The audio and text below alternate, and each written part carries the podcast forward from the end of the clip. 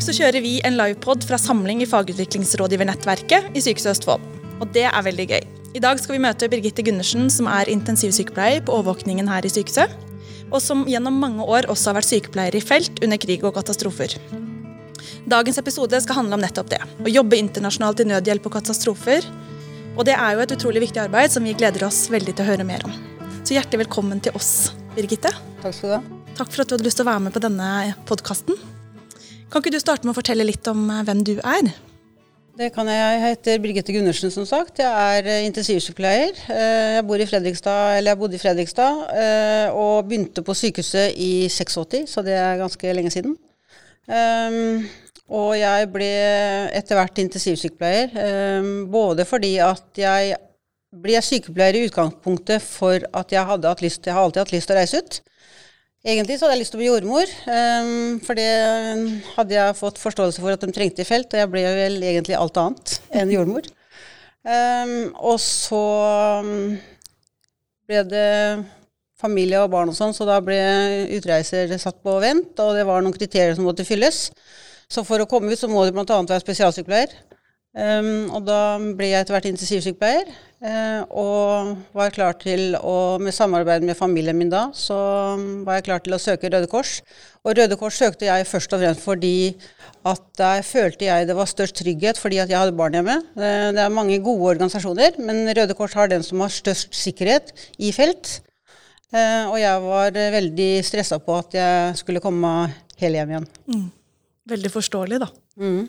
Du har jobba nå internasjonalt nødhjelp gjennom mange år. Ja, jeg ble delegat i 2000. Ja.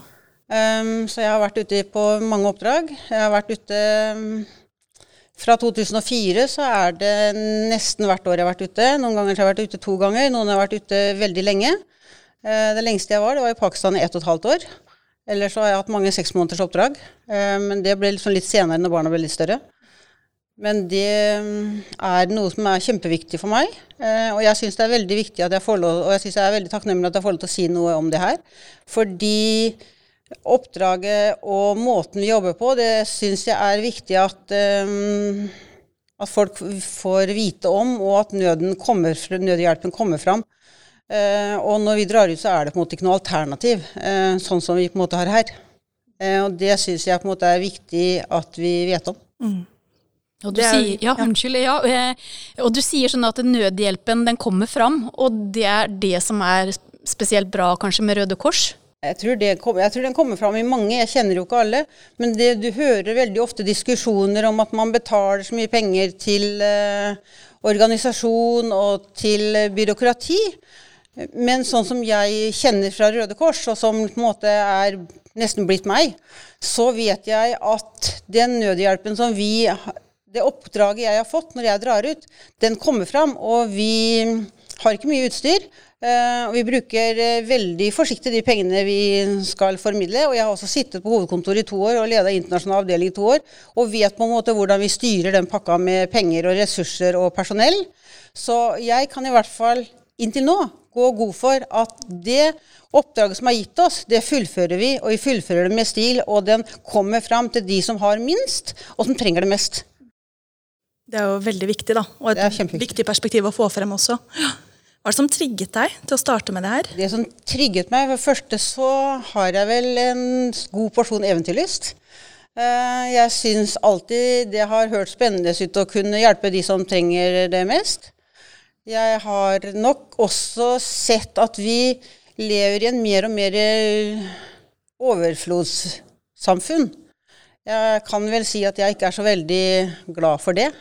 Um, så etter hvert så har jeg diskutert mye med familien min, og når jeg var så heldig på en måte å få en utdanning som kan brukes hos de som har minst, um, så lot jeg eventyrlysten og engasjementet styre meg litt. Og så sa mannen min og familien at jeg skulle søke Røde Kors. Um, og gjorde det, og var kjempespent uh, om jeg kom inn. Og når jeg først fikk ja til å komme inn, så skulle jeg på kurs, og jeg var sykt nervøs på om jeg klarte det greiene her. Um, og, jeg, og, da dro vi på et sånn delegatkurs uh, som, hvorfor vi skulle lære for hvordan vi skulle være ute i felt. Og når jeg fikk en brosj masse brosjyrer i posten, tenkte jeg her, det, det her det klarer jeg aldri. Um, og så var det veldig mye andre ord og uttrykk enn de jeg var vant til, for jeg hadde jo skoleengelsken, på en måte, og nå skulle jeg jobbe i helse- og krig- og katastrofeengelsk. Det var helt annerledes. Så jeg ringte til en dame som jeg så skulle på det kurset, som bodde i Oslo, og så sa jeg hvem jeg var, og så sa jeg ganske fortvila, jeg har veldig lyst til å reise ut, og jeg skjønner ikke om jeg klarer de greiene her. Ikke si at ikke du kan det orda, Birgitte. Bare dra. Det her blir dagligdagse ord for deg. Og jeg dro med ikke supergod engelskkunnskap i forhold til det fagnivået jeg skulle hatt og snakka det jeg måtte snakke på det kurset. Ikke mer enn jeg måtte. Men eh, jeg besto. Um, og så kom jeg hjem, og så gikk det noen uker, og så fikk jeg beskjed at jeg hadde bestått, uh, så da var det bare å vente på oppdrag. Og det var uh, kjempefjær i hatten for meg. Uh, og da begynte jeg, for da har jeg på en måte begynt å lært. og jeg har vokst veldig på det, og jeg er superglad. Jeg er ekstremt stolt og ydmyk at jeg har fått lov til å komme meg inn i organisasjonen, og at jeg fortsatt er der. Jeg må si det her er livet mitt. Å, det er utrolig hyggelig å høre. Kan du fortelle litt om de, altså, hva slags oppdrag er det du har vært på? Ja, og det som vi i Røde Kors må skille på, det er at det finnes to typer oppdrag i Røde Kors. Det finnes én oppdrag som eh, er katastrofer, som vi ofte hører om i Norge. Eh, og det er eh, noe som heter IFRC, det er Federation. Eh, begge hovedkontorene våre er i Genéve, og så har hvert land et sånt nasjonalt kontor, som vi har i Oslo. Og i Federation da jobber vi i forhold til naturkatastrofer, sånn som ebolaen, i forhold til lungepest på Madagaskar, i forhold til jordskjelv. Sånne ting. Det er én type måte å jobbe på, og da er vi ikke så ute lenge, lenge ute. Og da jobber vi også litt annerledes. Og så har vi den, og jeg har vært i begge deler. Og den andre typen det er ICRC, og det er det du på en måte ser på TV når du ser de hvite bilene som kjører i kolonne med Røde Kors-emblemer, og eh, sånn i Afghanistan, i Pakistan, når du ser krigen i Jemen, um, og det var på Balkan tidligere på 90-tallet. Det er ICIC, og de jobber kun i krig og konflikt. Det er menneskeskapte konflikter, og der er vi ofte mye lenger inne. Det er mye mer politisk spill, uh, oppdraget varer mye mer, og de er mye farligere. Så det er de to typene som fins.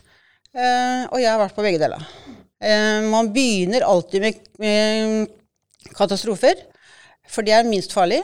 Eh, det er, eh, men det er, vi når de samme mennesketypene, menneskegruppene. Vi når de de som er fattigst, de som har minst, dessverre, så er det sånn når det skjer et jordskjelv Når det skjedde et jordskjelv i BAM, som jeg også vil si noe om, så skjedde ikke det skjedde eh, i landet. Men den som blir hardt ramma, det er der hvor de er fattigst. For de har dårligst økonomi. De kan ikke bygge fine, flotte hus som de gjorde i Teheran. Eh, vi landa i Teheran, men der var det nesten ingen skade. Men når du kommer eh, 100 km unna i ørken, i, en, i BAM, en liten by som ligger ved Silkeveien, der var det totalt rasa. Um, og sånn er det i krig og konflikt òg. For hvis det er krig noe sted, så, uh, så, er det ikke krigsherrene og de rike som blir ramma. I Sør-Sudan, de som bor i Juba, de, de, rike presidentene og de toppen på militæret og sånn, de blir ikke ramma av den krigen. Det er de som bor i stråhyttene sine rundt på landsbygda, de blir ramma. Og det gjelder hele verden. Sånn er det overalt. Så uansett hvilken hatt jeg tar på meg, så når jeg de som trenger oss mest og som er helt avhengig av å få hjelp utenfra. Eh, og vi kommer med utstyr, og vi kommer med kunnskap, og vi er der for dem. Uansett hvilken side den står på. Vi er politisk nøytrale i Røde Kors. Jeg bryr meg ikke om det er soldaten eller han eh, lokale eller landarbeideren som kommer på mitt sykehus. Kommer begge to, og det har jeg vært på, så blir de likt behandla hos meg. Og jeg har null, null eh, favorisering av noen. Så du sier jo noe om farlighetsnivået, at det er en stor mm. forskjell da, på mm. katastrofer og, og, krig og konflikt. Mm. Men som bortsett fra farlighetsnivået, hva er den største forskjellen, opplever du, på de to forskjellige oppdragene? Den eh, største forskjellen blir nok at når jeg drar i et krigsområde, så blir jeg ofte borte mye lenger. Jeg jobber mye tettere med lokalbefolkningen. Um, og jeg har mye flere restriksjoner på hva jeg kan gjøre. Eh, jeg har mye mindre bevegelsesfrihet. Eh, jeg har mye mer munnkurv på mange ting enn det jeg har i en katastrofe. Når jeg var i Nepal, så kunne vi løpe opp i fjellene når vi hadde fri i helg, og vi hadde det jo kjempefint. Når jeg var på, i Jemen, og ikke i krigen, og den hadde brutt ut, og jeg hadde tilfeldigvis fått en fridag, eller vi kunne ikke dra ut fordi at det skjøt for mye, så kunne jeg ikke gå utafor huset mitt. Ikke sant? Det er forskjellen. Det er en ganske brutal verden der ute. Mm. Mm. Hva, kan ikke du fortelle om noen av reisene du har vært på? Jo, og jeg ønsker å si eh, noen ord fra tre forskjellige oppdrag for å sette litt perspektiver på den katastrofebiten eh, først. Eh, for det første så dro jeg til Iran og BAM i 2004. Det er eh, Det ramma jordskjelvet 26.12.2003. Um, og det var på en måte første gang jeg skulle ut, og jeg skulle ut til et muslimsk verden. Jeg hadde aldri vært der før. Jeg skulle plutselig være borte fra familien min i seks uker, jobbe internasjonalt. Jeg skulle bo i telt, og jeg var veldig spent på hvordan jeg takla å møte en befolkning som var hardt ramma fra før, og se katastrofen på nært hold over tid. Um, så når jeg først satt på fly ut, så var det med 1000 sommerfugler i magen, og veldig spent på om det her var noe for meg. Um, jeg hadde jo liksom bestemt meg for at det her er noe for meg, men det kan man på en måte si når man sitter hjemme i trygge Norge. Men du må på en måte ut og føle settinga før du på en måte vet om det er noe for deg. For jeg har møtt flere kollegaer som har vært på ett oppdrag, og det eneste de har tenkt på når de har vært ute, det er eh, skal hjem til sønnen sin. Hun ene var en svensk sykepleier som tenkte på hvordan hun skulle farge hos slaven, hun skulle hjem og male kjøkkenet sitt. og Det ble liksom å, å ha sykehus i telt, og nei, hun syntes det var helt forferdelig, så hun reiste aldri ut igjen. Så jeg var liksom litt spent på når jeg kom ut. Men når jeg dro til Iran og hadde vært der litt, så fant jeg ut at det her er jo meg. Eh, så det var på en måte ikke noe spørsmål. Eh, men jeg kom til Teheran, eh, og før jeg forlot fly, så fikk jeg beskjed av flyvertinna at jeg måtte ta på meg et hodeplagg. Eh, jeg visste jo om det, men jeg hadde ikke trodd at jeg burde gjøre det før jeg kom til, til banen. Men, men, det som er viktig i Røde Kors, det er at vi følger landets regler og normer. For det, både fordi at det er respekt, og det gjør det lettere for meg og jobben. Det er lettere for meg å bli respektert. Og jeg får mye bedre kontakt med både de lokale sykepleierne, legene og pasientene. Så jeg tok på meg hodeplagg før jeg forlot uh, til flyet, og det satt på i seks uker. Um, og så overnatta vi på et hotell, og så skulle vi kjøre videre dagen etterpå. Da dro jeg med fly videre sammen med en del delegater fra forskjellige land. Delegater det betyr at du jobber i Røde Kors. Um, og da dro vi til en by som heter Kerman, som er en ørkenby. Uh, og der ble vi møtt med en buss som var en buss som Når du ser på film, så tenker du nok at det, den bussen de hadde som hippie i India i 1960, det er den bussen vi fikk låne i Iran. eh, og da skulle vi kjøre gjennom ørken. Det var 40 pluss, det var eh, fjell, fantastisk tur. to og en halv time i en humpete buss som hadde null fjæring, og som eh, null service. Eh, null Det var varmt. Men det var sjarm, det òg. Eh, og vi kom til sykehuset etter hvert, etter to og en halv time. Og vi, når vi kom inn da, så så vi jo på en måte massive ødeleggelser. Det her var et befolkning BAM ligger ved Silkeveien. Det var masse opium i omløp, og den Silkeveien har jo vært i bruk i mange hundre år. Eh, det var også en eh, borg som var bygget av strå og leire, som eh, er historisk, som var over 2000 år gammel, som gikk med. Så den har arkitekter bygd opp i etterkant. De levde av dadel og cashewnøtter, og dadellundene de var jo på en måte ødelagte, og cashewplantasjene borte. Så fattigdommen som var stor fra før, den ble jo enda større. Um, sykehuset, Vi bygde opp et 113 sengers sykehus. Um, vi kunne bygd opp til 250. Og det var massivt i katastrofer. Så er det massivt med spesielt kvinner og barn, for det er ofte de som er hjemme i husene sine. Uh, ja, Hva slags type skader eh, så du da, som kom inn på sykehuset? Da ser vi alt fra masse bruddskader fordi at de har ligget sammenklemt under bygninger vi har mye lungebetennelser. Det er veldig utrygt. Vi har kniv- og skuddskader. Eh, og så er det jo en del sykdommer som man egentlig aldri ser, som medisinske sykdommer som dukker opp. Eh, men vi har jo begrensa, og det er flere organisasjoner ute, så vi må jo på en måte Vi deler oss litt imellom. Eh, vi er ikke bare Røde Kors fra Norge der, men det kan være Røde, være Røde Kors fra Spania og Finland og Frankrike og som setter opp feltsykehus. Så det er på en måte mange aktører, og vi samarbeider. Eh, og det jeg husker, blant annet, jeg fikk inn ei lita jente. Hun var syv år og hadde lagt sammenklemt under um, ruinene i elleve timer før hun kom til oss. Hun hadde massive bruddskader i begge bena og fra, hofta, fra hoftene og ned. Hun hadde mista hele familien sin, og den som passa på henne, var bestefaren. Eh, så hun lå hos oss i mange dager, men hun reiste hjem. Og så en, hadde vi en mor inne med en fem måneders gammel baby eh, som veide 2,5 kilo. Den var jo sykt underernært, selvfølgelig. Eh, og hun var alene og hadde mista mannen sin. Hun hadde fire barn.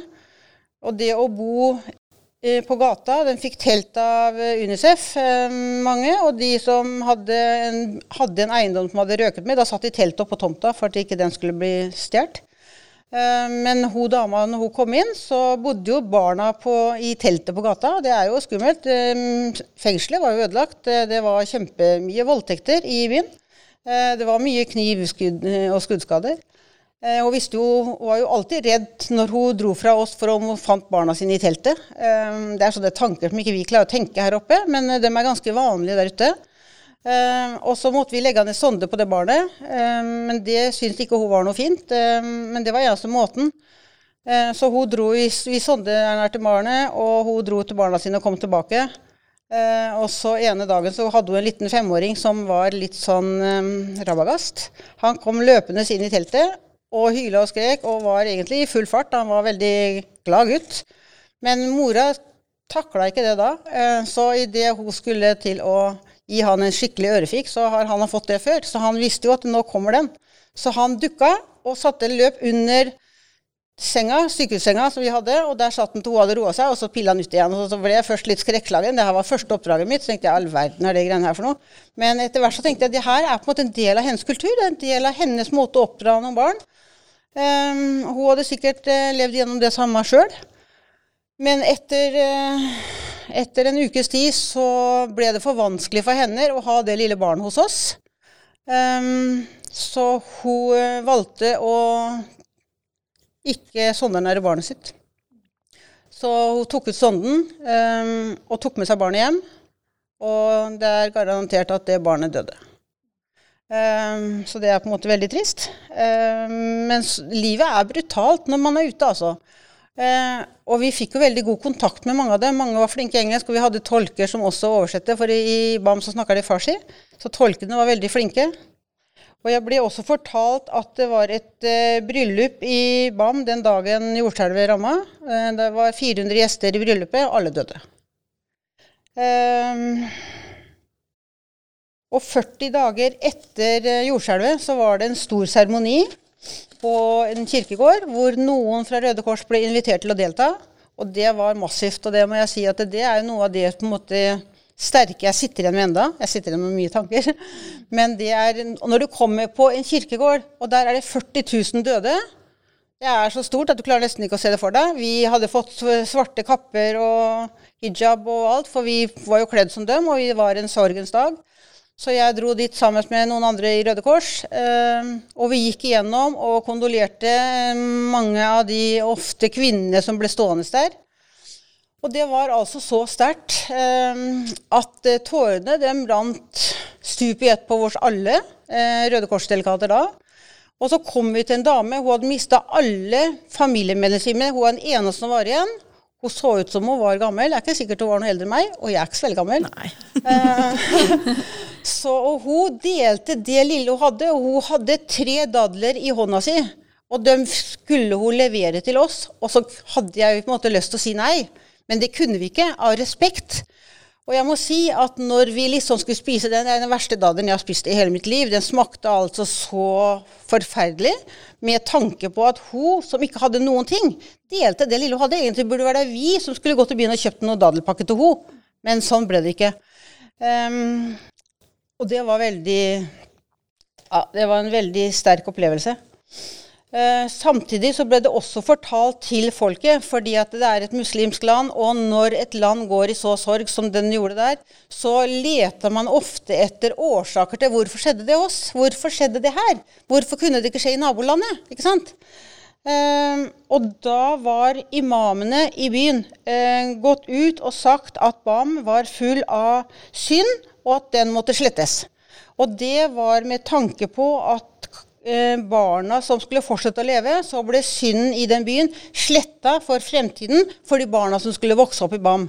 Og det høres brutalt ut, men det er en måte å overleve på og prøve å se videre. Det må på en måte prøve å finne noe mening, og det var den meningen på en måte de fant der da.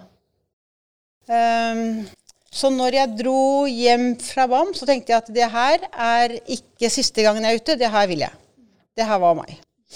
Um, kan jeg bare spørre om hvordan, hvordan henter du deg inn igjen etter sånne opplevelser? Jeg snakker mye. Det er jeg god på. Ja, Så bra. vi har brief og debrief. Ehm, men det som jeg syns er vanskelig, og det var fordi da jobba jeg på nyfødtintensiv. Og i, når vi er ute, så har vi ikke all den luksusen som sykehusene har. Vi har ikke fine plast, sårbehandlingstilbud som vi har her. Og vi, vi er litt sånn Reodor Felgen som MacGyver, på en måte. Ehm, og i det sykehuset der så klippa vi opp stoff og plastikkposer og brukte som bleier. Og så kommer jeg hjem, og så jobber jeg på nyfødt. Så går jeg tilbake på jobb og syns det. Jeg syns det er vanskelig. Um, og jeg har trodd det skulle bli bedre, men det blir nesten verre, syns jeg. Um, og det husker jeg det første fagmøtet vi hadde, så skulle vi diskutere om vi skulle bruke Libero eller Pampers. Og så kommer jeg et sted hvor vi klippa opp stoff og plastikkposer. Og da ble det sånn Kan jeg være så snill å slippe å være med på den diskusjonen? For uansett så diskuterer dere to luksusprodukter som jeg ikke har lyst til å ta stilling til. Eh, og så bruker jeg familien min litt, selv om ikke de skjønner hva jeg sier, så hører de på meg. Eh, og så snakker jeg litt med kollegaer, og så og så snakker jeg med meg sjøl. Så kommer ja. jeg meg gjennom. Ja. Ja, det er imponerende. Og så tenker jeg at det, vi, når jeg er ute, så gjør jeg en forskjell. Og jeg har, etter hvert som jeg har vært mye ute, så har jeg liksom laga meg en sånn overlevelsesteknikk. Og jeg tenker at hvis jeg klarer å redde ett til to liv på hvert av oppdragene mine, så er jobben min ute fullbyrda. Da har jeg gjort det jeg tenkte jeg skulle. Eh, og jeg redder dem flere enn det. Og da blir alt det andre bonus. Og da tenker jeg at hvis jeg liksom kommer hjem og tenker over hva jeg har gjort, så tenker jeg ja, Birgitte, det du gjorde nå, det var bra. For hadde ikke jeg vært der så der nede kan man ikke ringe til noen ekstravakter. Kommer ikke jeg på jobb, så betyr det at kanskje ikke vi kan gjøre noe på den avdelingen den dagen. For de lokale de kan ikke noe. Så da blir det en stillstand. Eh, det betyr kanskje at noen dør det, hvis ikke jeg kommer på jobb. Men på overvåkninga er det ingen som dør hvis ikke jeg kommer på jobb. Så det er liksom på en måte forskjellene. Utrolig meningsfylt ja, det må det være. Det. det er meningsfylt å være der med en kunnskap som jeg vet er eh, livsviktig for den det gjelder. Og så gir det meg en mening med jobben min. Og jeg tror det også gjør at jeg har klart å beholde motivasjonen i jobben min hjemme. Fordi at jeg får den meningsfylle delen ute. Det er ikke det at det ikke er meningsfylt i Norge, men det blir å jobbe på to forskjellige planeter. For vi lever i en overflod hvor alt er tilgjengelig hele tiden, og forventningene er høye. Og det er greit, sånn skal det sikkert være. Men for meg som har ett ben i hver verden, så er det noen ganger vanskelig å ha det benet her. Men da må jeg liksom bruke den andre til å få til å fortelle meg sjøl at det du gjør her, er faktisk ok, men det er det andre som er viktigste for meg. Men det er viktig at vi er her, selvfølgelig. Sant? Hvis du skjønner hva jeg mener. Det gjør jeg. Man jobber jo ut ifra de forutsetningene man har, da. Ja, man Uansett hvilken verden man, man er i, da. Mm. Har du noen andre historier? Ja, så har jeg lyst til å si eh, Ett år etter at jeg var i Iran, så ble det en ny katastrofe. 26.12. i 2004 så smalt det noe som heter tsunami, som alle i Norge har et forhold til. Og det har vi pga. Thailand. Um, og så kom det jo masse skrekkelige bilder på TV, uh, og så tenkte jeg her håper jeg at jeg blir kalt ut, men jeg vil ikke til Thailand. For for meg så var på en måte ikke Thailand Eh, det store, eh, og det er kanskje litt stygt å si, eh, kanskje det skal slettes. det kan vi få til. det, fordi at den tsunamien den ramma veldig mange land. Den ramma Thailand, men den, den ramma også Indonesia. Den ramma India. Den regnet, det var Sri Lanka som ble ramma. Det var på en måte mange, og det var mange fattige. og det det vi hører om i Norge, det er liksom de få nordmennene som blir ramma i Thailand. Og det er forferdelig for dem det gjaldt. Selvfølgelig, og det skjønner jeg godt. Men jeg ble forespurt om jeg kunne reise til Indonesia, eh, til Banda Aceh, og det sa jeg ja til. Eh, og, jord, og jordskjelvet da hadde en, en um, målte ni på Richter-skala, og det er utrolig høyt. Eh, jordskorpa utafor eh, Banda Aceh revna i to, nesten.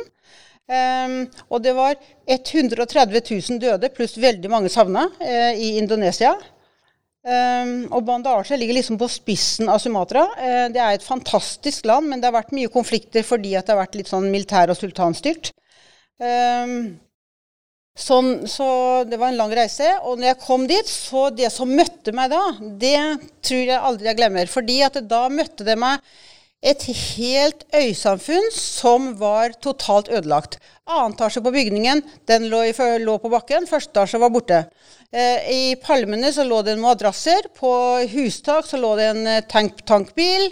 Eh, alt var smadra. Eh, I landsbyene så var det bare pinneved. Eh, eneste som sto igjen, og det var moskeene. Og det ble det snakka mye om. Men mange tror at moskeene har vinduer på alle vegger, så det vannet hadde et sted å komme ut. Det hadde ikke husene. Um, og det var et stort fjell i Bandarche. Ellers så var det jo mange øyer også som ble ramma. Men mange av lokalbefolkningen på øyene klarte seg litt. Fordi at havsigøynerne i Indonesia de hadde jo hatt um, tsunami før, selv om det var veldig mange år siden. Så de sa når havet trekker seg tilbake, så skal menneskene løpe til fjells. Og de som gjorde det, de overlevde. Men turistene har jo ikke hørt om sånt. Jeg hadde ikke hørt om sånt. Jeg hadde knapt noe hørt om tsunami. Eh, og i, på Subatra, hvor jeg var, så var det ikke så mye fjell å løpe til. Så der ble det store skader. Etter tsunamien så ble Bandarte kalt dødens by. Eh, det var et middelhavssamfunn først. Og Norge vi frakta inn 130 tonn, men Banda Arches flyplass er ikke så stor, så vi måtte ha sånn flybro mellom Singapore og Banda Arche. Eh, vi kjørte inn eh, feltsykehus. Eh, vi kjørte inn, de skulle prøve for første gang å ha ambulanser. Vi hadde med en ambulansesjåfør fra Halden annet, som skulle hjelpe til å prøve å bygge opp noe. For det var jo ingenting. Sykehusene var ødelagte. Nest alt helsepersonell var stort sett døde. Um, så vi kom dit etter hvert og satte opp et sykehus utenfor en stadion, hvor vi fikk et velfungerende sykehus, men vi hadde mange etterskjell, så vi flytta sykehuset vårt noen ganger for at ikke vi skulle rive. Og inne på stadion så hadde vi også midt på plassen så hadde vi satt opp noe telt, for det var jo ikke alle som kunne reise hjem alltid. Noen måtte være der i oppfølging med såroppfølging eller mer opptrening og sånne ting.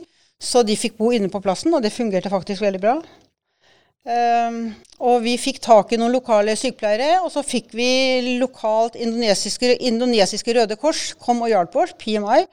Eh, og de kom med personell fra, fra eh, flere steder i Indonesia eh, med fly over til oss. Pluss at noen av de lokale sykepleierne som overlevde, de ville jo gjerne hjelpe til. Selvfølgelig å bygge opp igjen. Og det som er spesielt da, det var for første så var det at vi hadde en sykepleier som, skulle, som, kom, som bodde på en øya som hadde overlevd, og mannen, kjæresten hennes, hun skulle gifte seg. Og hun skulle på nattevakt, og så skulle hun fortalte oss at hun skulle gifte seg dagen etterpå.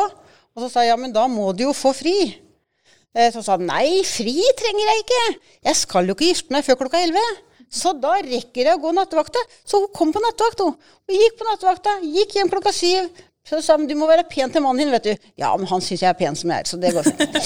så hun pynta seg og dro og ble gift, og alt gikk bra. Men hun gikk på nattevakta. Og det er liksom sånn kulturelle forskjeller som ikke vi er vant til her, ikke sant. um, ellers så var det jo på, I Indonesia så er det et tropisk samfunn. Det er et helt annet sykdomsbilde enn det jeg noen gang hadde sett, eh, og som mange Det var første gang mange så.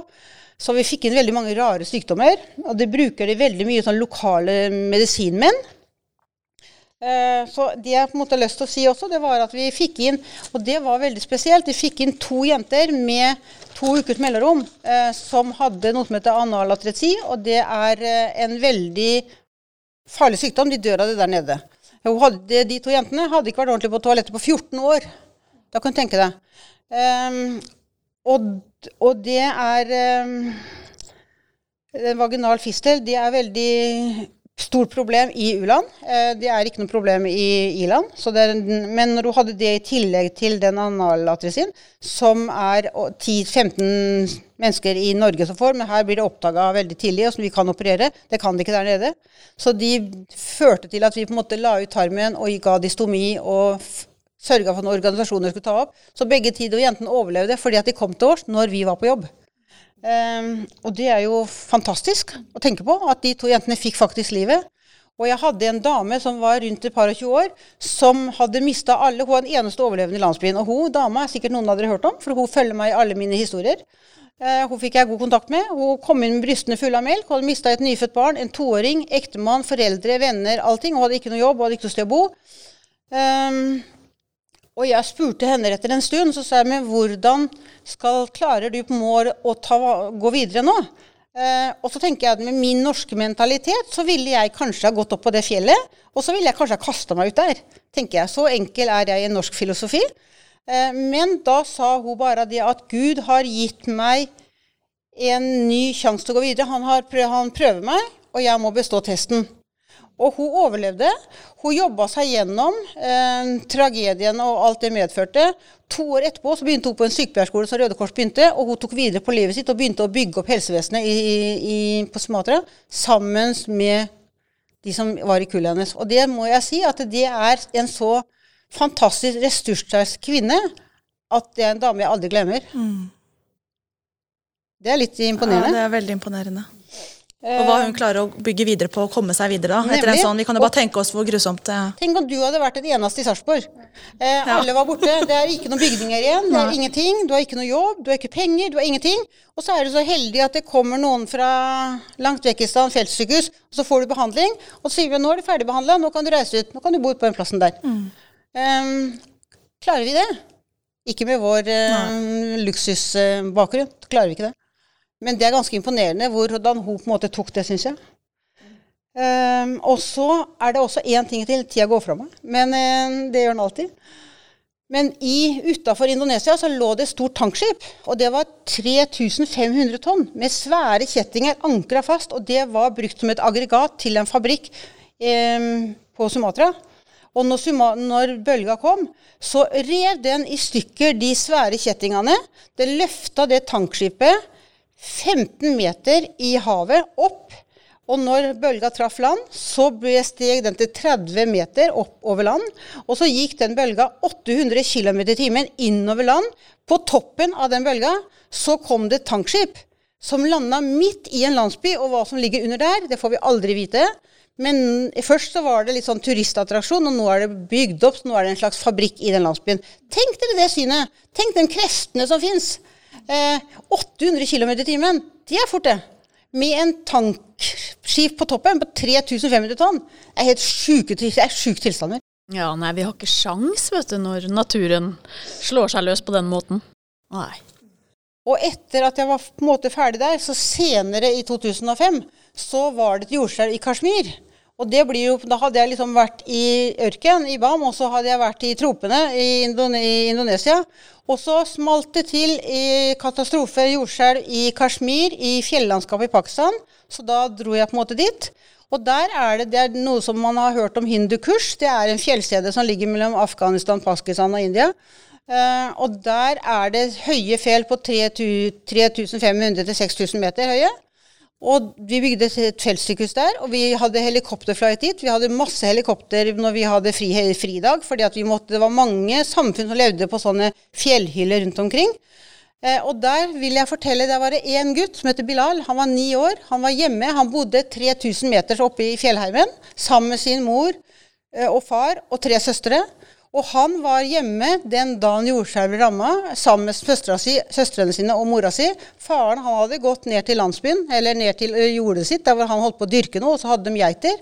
Og når han var kommet nesten ned til jordet, så smalt det. Og da skjønte han at nå er noe gærent, nå må han forte seg hjem. Og han forta seg tilbake til huset sitt. Der fant han et hus som var totalt ødelagt.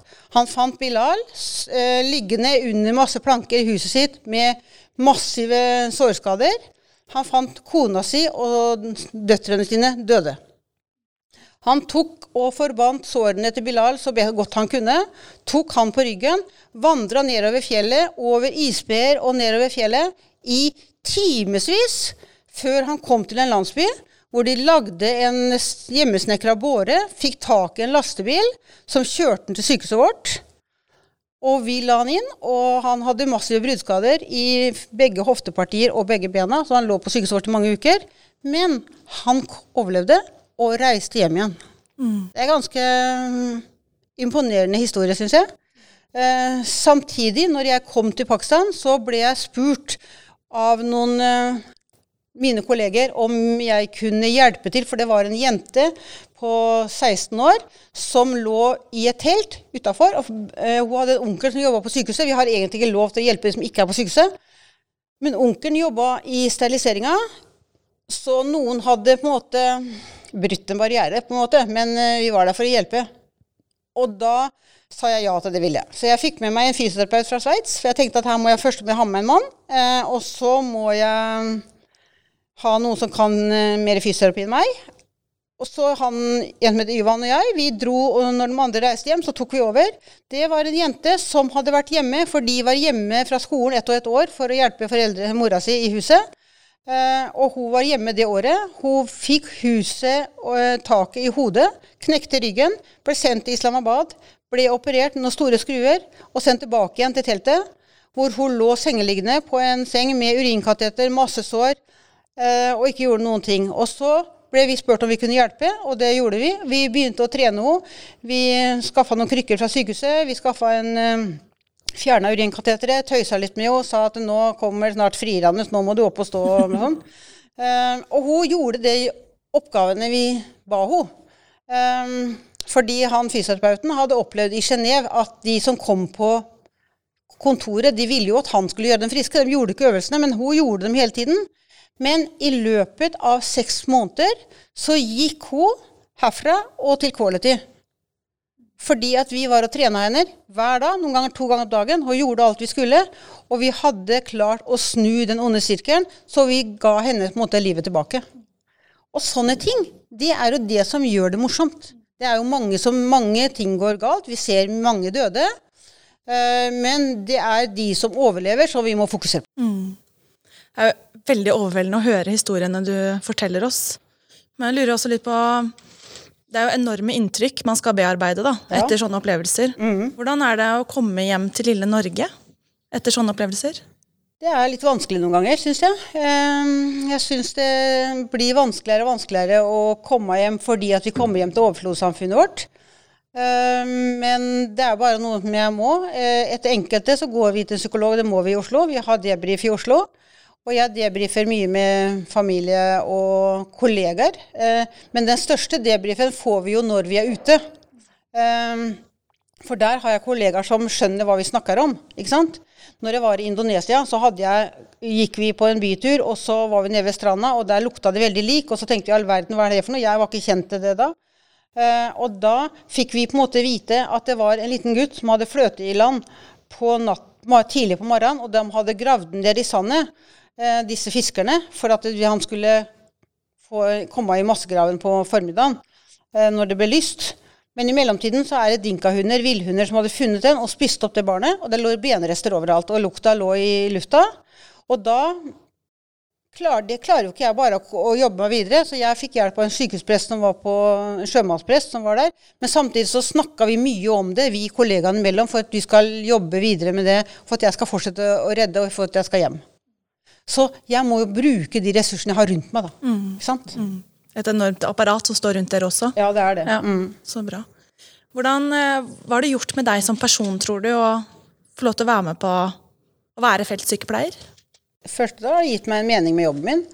Um, og så tror jeg at jeg har blitt litt mer reflektert på mange ting. Um, og familien min, vi snakker jo mye om hvordan det er ute og sånn. Mm. Så jeg tror det har gjort oss mer reflektert i familien. Eh, om jeg har blitt så mye bedre menneske, vet jeg ikke, men jeg har i hvert fall blitt en mer reflektert person enn det jeg var før. Mm. Og tar ikke alle ting for gitt. Og så ser jeg på en måte luksusen vi har, som kanskje noen ganger er litt negativt, syns jeg. Mm. Eh, de dagene jeg er mest lykkelig, er mange ganger da jeg er ute i felt, ikke da jeg sitter hjemme her. Mm. Litt annet perspektiv på, ja. på, verden der ute enn oss Nemlig. andre. Mm. Ja. Det tenker jeg er en veldig fin avslutning på denne podkasten. Og så ønsker jeg å takke deg for at du utgjør en forskjell og har gjort dette her over så mange år. Hjelpe mennesker i nød. Og tusen takk for at du har delt historien din sammen med oss her i dag. Takk, Birgitte. Det var overveldende.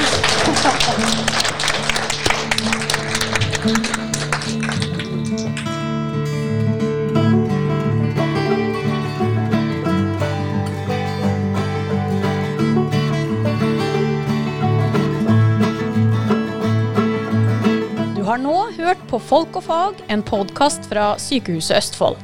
Du finner oss på Spotify og Apple Music og mange andre steder hvor du kan høre podkast.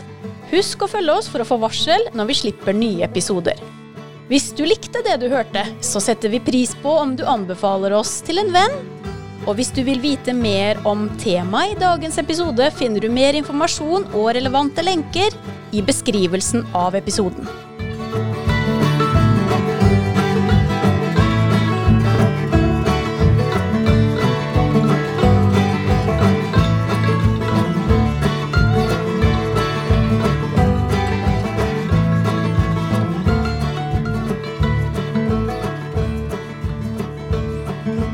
Inntrykk. Og jeg sleit så fælt med tårene. det var sånn nummeret før man begynner å gråte. Ja.